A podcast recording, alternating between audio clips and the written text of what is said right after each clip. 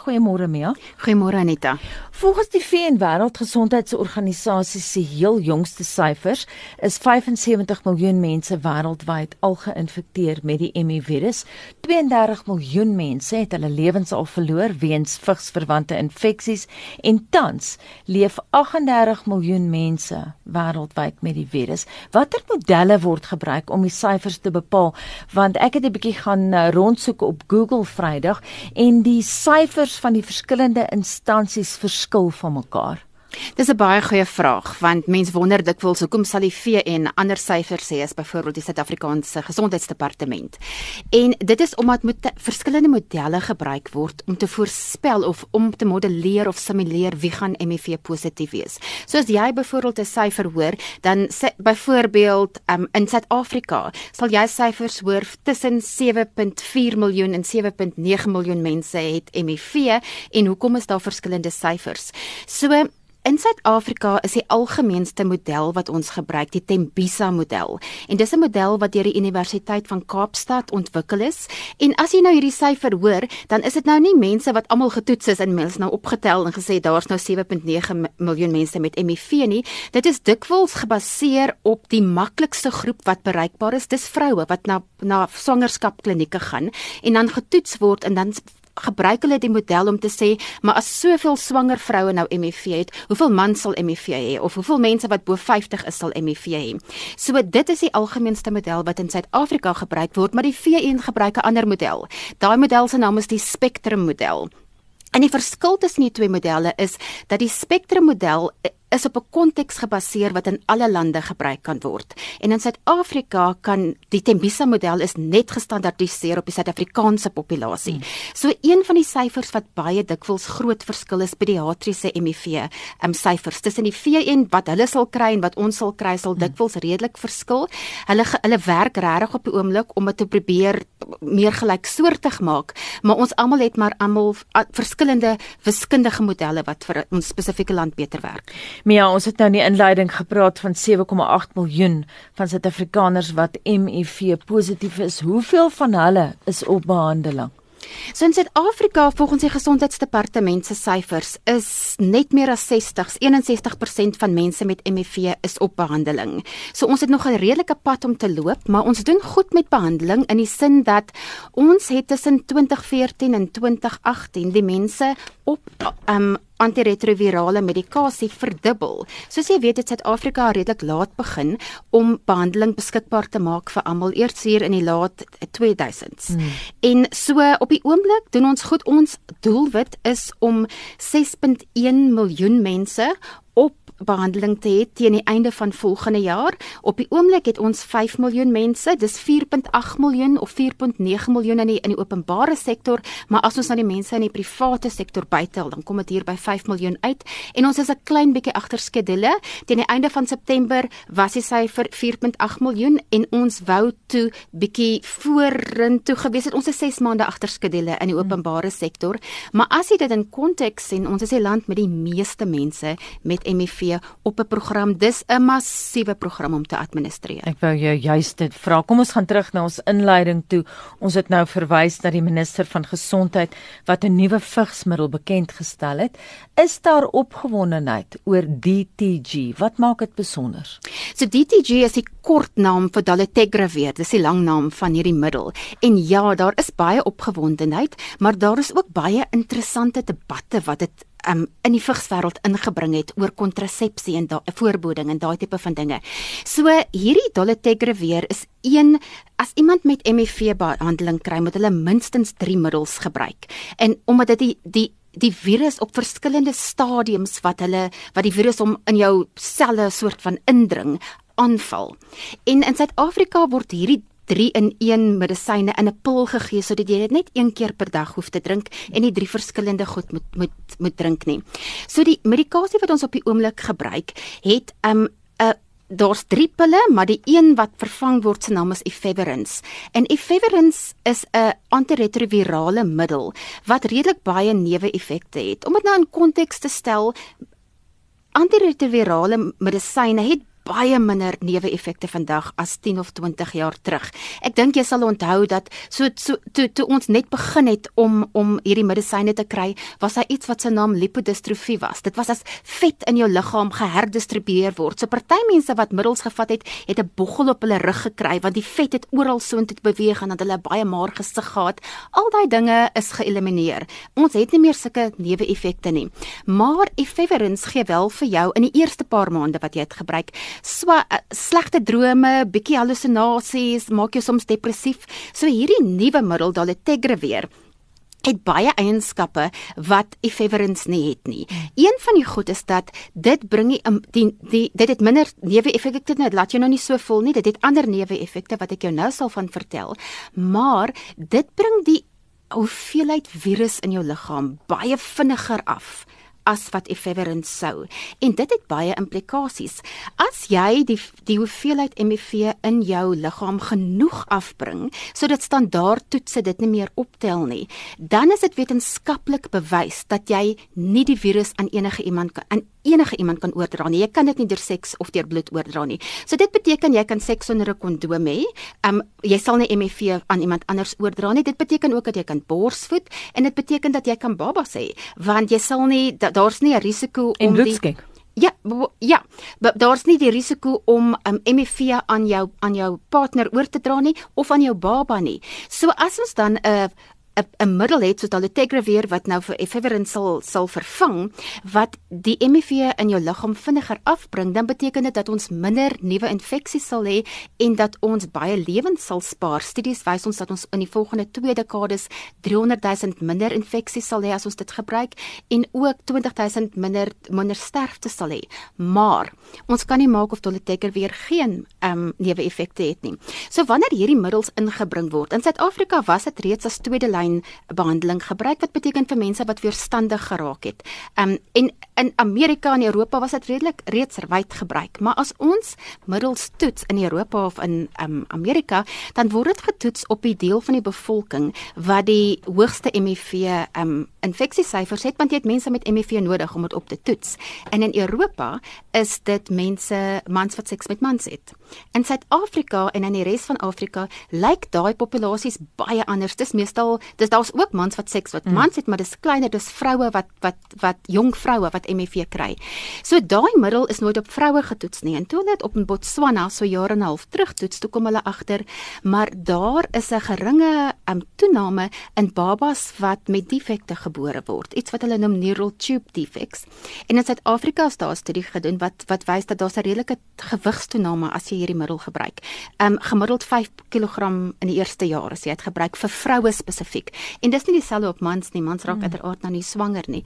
So in Suid-Afrika het ons baie lank gevat voor ons tot hierdie um Taletegra weer um bekend gestel het as as eerste lyn behandeling omdat ons bang was watse riglyne moet ons nou gee. Gaan jy nou vir swanger swanger vir vroue wat kan swanger raak sê jy moet op voorbehoeding wees of jy mag dit nie gebruik nie of gaan jy vroue genoeg vertrou om te besluit of hulle gaan swanger word of nie en ook dan om vir hulle toegang te gee tot genoeg voorbehoeding.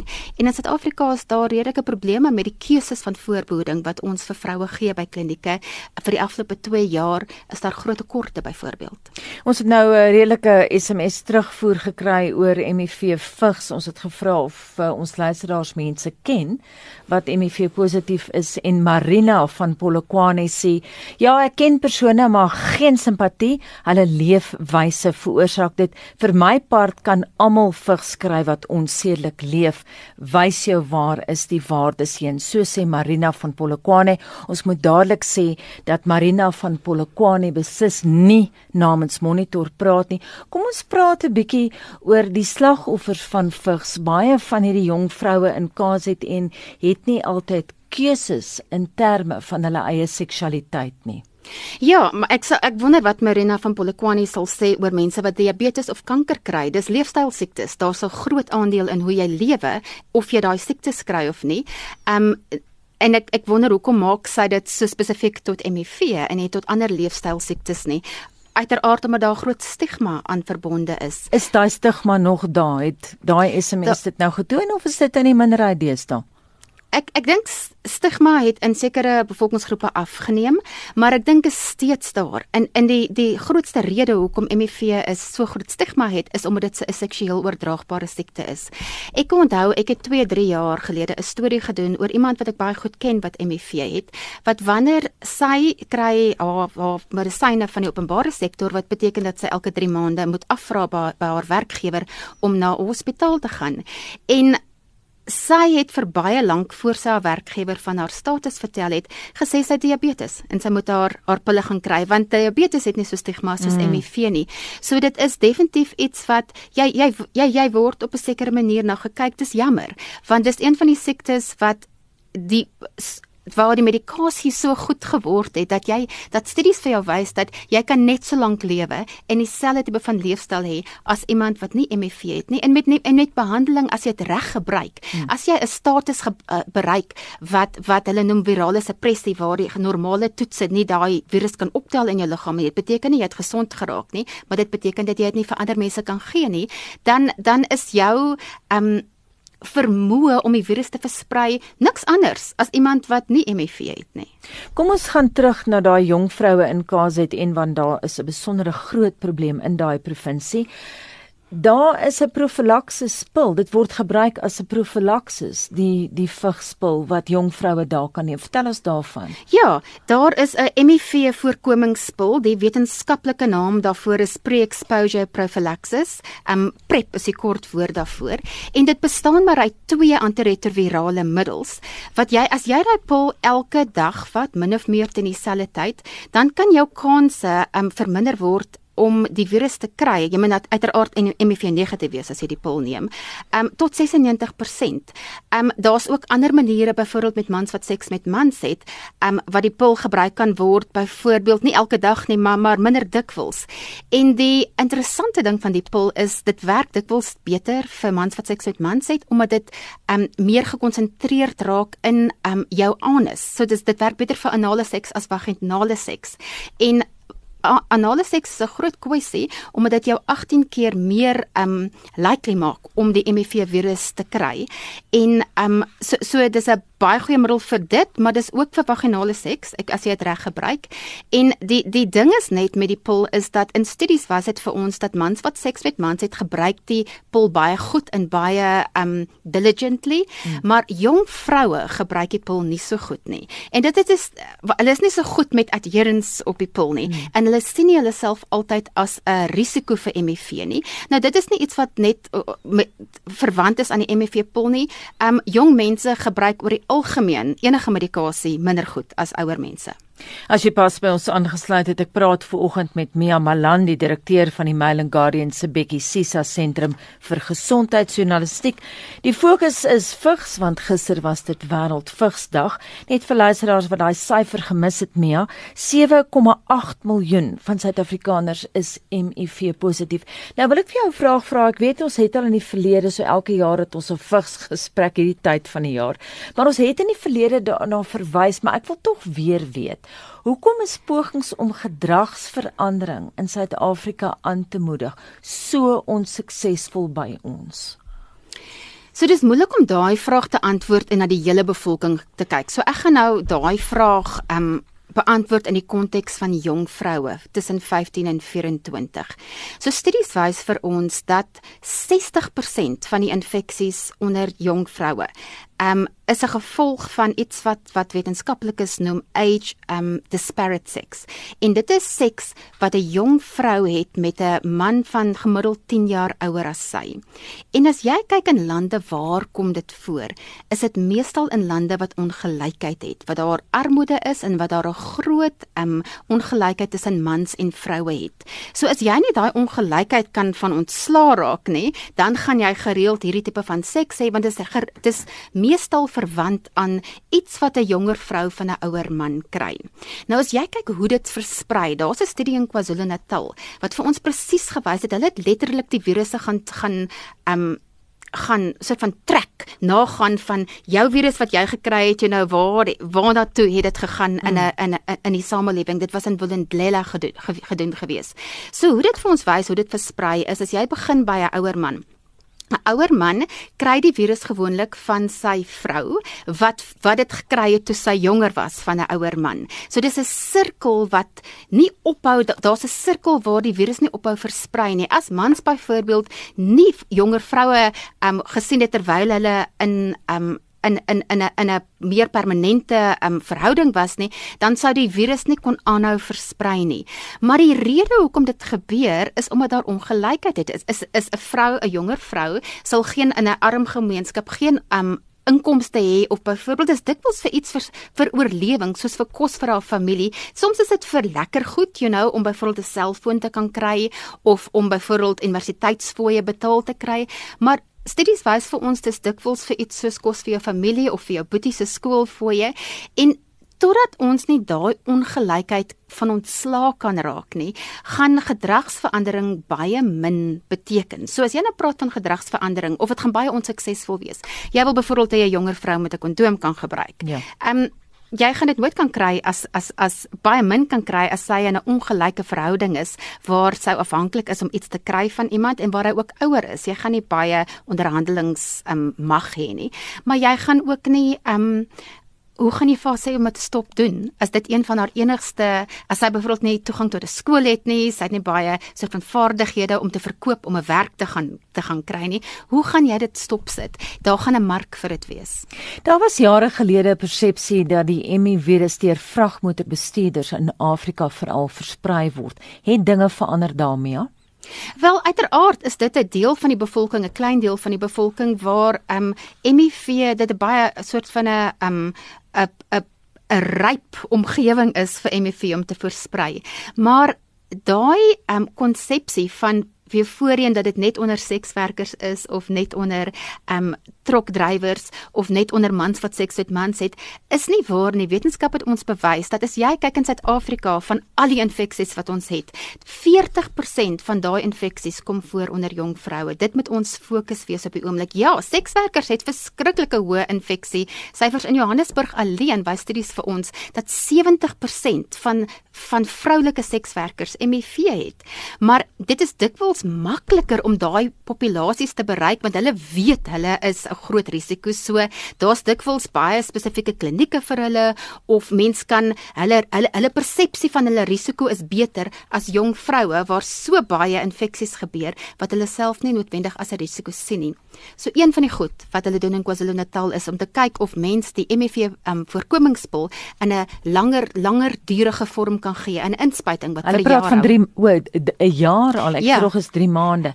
Mia, ons het nou baie vanoggend gepraat oor KZN, maar watter waar is die ander HIV vigs brandpunte in Suid-Afrika in terme van provinsies? Hoe lyk Mpumalanga byvoorbeeld? So die die die provinsie met die hoogste infeksiesyfer is KwaZulu-Natal. Die een met die tweede hoogste is die Vrystaat, dan die Oos-Kaap en dan kom Mpumalanga en ander provinsies. So uh, KwaZulu-Natal en die Vrystaat en die Oos-Kaap is op die oomblik die hoogste mense. Um een van die goed wat in KwaZulu-Natal en en um Oos-Kaap ooreenstem is migrasie. Is mense wat wat op 'n ander plek moet werk as waar hulle woon en dit skep 'n omgewing vir um families opbreek en veral vir partners opbreek. Ehm um, as jy 'n man is, is gewoonlik die man wat op 'n myn hier kom werk in Johannesburg of in Gauteng elders of in die Noordweste en 'n vrou bly dan agter en jy dan onmiddellike omgewing waar iemand dalk 'n ander partner soek of waar daar daar 'n geleentheid is um, vir MEV om in te kruip. Ek wil net eh, 'n uh, praktiese vraag vir jou vra as daar miskien vir oggend luisteraars is uh, wat wonder oor hulle toestand en hulle hoe sê mens hulle status nê en hulle wil hulle self laat toets. Ek weet daar is meer as een soort toets beskikbaar. Wat is die beste toets in Suid-Afrika wat beskikbaar is vir luisteraars byvoorbeeld wat hulle self sou wou. So ek gaan nou nie weet 'n brandnaam is nie ja. die, die een is nie regtig beter as die ander nie, maar jy wil weet watter tipe van toetse. Mm. So mense kry ehm um, soos jy weet is ehm um, 2 jaar gelede, omtrent 2 jaar gelede, het selftoetse wat jy by Clicks kan gaan koop of by Dischem kan gaan koop, ehm um, wettig geword in Suid-Afrika. So een van die maklikste maniere as jy nie na 'n kliniek wil gaan nie, is nie vir dokter wil betaal vir die toets nie, is om na Clicks te gaan um, of na Dischem en jy kan die toets gaan kry dis soos 'n swanger swangerskap toets. Jy nou een streepie en twee streepies sê vir jou of jy positief is of nie. As jy dan uh, positief toets, dan is die beste ding om dan nou daar dokter te gaan om dit um bevestig te kry. Um die ding van HIV toetsing is dat jy Jy jy weet dit stop nie na jy die toets gedoen het nie. As jy positief is, is die belangrikste ding dat jou behandeling um, kan kom. En um dit is een deel in Suid-Afrika waar ons nog nie so goed is met HIV toetse by openbare klinieke nie. Ons is baie goed om te sê iemand is positief, maar dikwels kom baie van die mense wat positief is, kom nie by behandeling uit nie. Hulle raak hulle raak weg in die proses van dit omdat die berading na die toetsing nie so goed is nie. Maar ek dink as jy nou praat van selftoetsing, die idee van selftoetsing is nie om dit te vervang wat jy by klinieke doen nie. Dit is om dele van die bevolking te um, bereik wat nie andersins sou getoets het nie. En op uiteraard gaan dit sonder berading. Daar's net 'n pamfletjie wat vir jou sê wat om te doen. Maar as jy voel jy's te skaam of jy voel nie gemaklik om na die dokter te gaan of na 'n kliniek nie, dan is selftoetsing definitief 'n uh, 'n opsie vir jou om en en en die idee van MFV toetsing is om dit redelik gereeld te doen want jy kan as jy seks sonder kondome het, jy het nie beheer oor iemand anders se lewe nie. Um jy sal redelik gereeld moet toets. En as jy kyk na dinge soos mans byvoorbeeld, die interessante ding van MFV is baie meer vroue in Suid-Afrika het MFV as mans, maar meer mans gaan dood aan MFV as vroue. En die rede is om omdat die mans nie gaan vir toetse nie en dan nie op behandeling by uitkom nie. En een van die redes hoekom vroue vir toetsing gaan, ja, vroue studies wys ons vroue is meer geneig om na hulle gesondheid te kyk, maar mense het swangerskapklinieke. So die die stelsel is ontwerp om vroue in die stelsel te kry in die gesondheidstelsel. Hulle word outomaties getoets as hulle gaan as jy swanger is, maar mans het nie so 'n manier om outomaties in die stelsel te kom nie. En interessant in Rwanda het hulle 'n program geloods waar hulle gesê het dat as iemand as 'n vrou gaan vir HIV toetsing as sy swanger is met die man saamkom. En hulle het 'n groot sukses gehad met um, meer mans laat toets in 'n en en die sterftesyfer wat afgeneem het. So dis 'n interessante manier om dit te doen en in in, in Uganda het hulle 'n soort van vir koppels saam laat toets. En is 'n interessante manier om as 'n paartjie saam te gaan. Ek het dit met my man gedoen toe ek in Kenja gebly het 'n paar jaar gelede by 'n openbare fasiliteit. In die die berading was nogals regtig goed geweest. Jy weet daar was goed wat ek gedink het. Ek het nooit gedink ek is op so het so risiko om HIV te hê nie. En toe ons praat oor dinge, toe besef ek maar ek is regtig besig om myself net te elimineer van daai van van van daardie uh, risiko. Enige iemand het 'n risiko.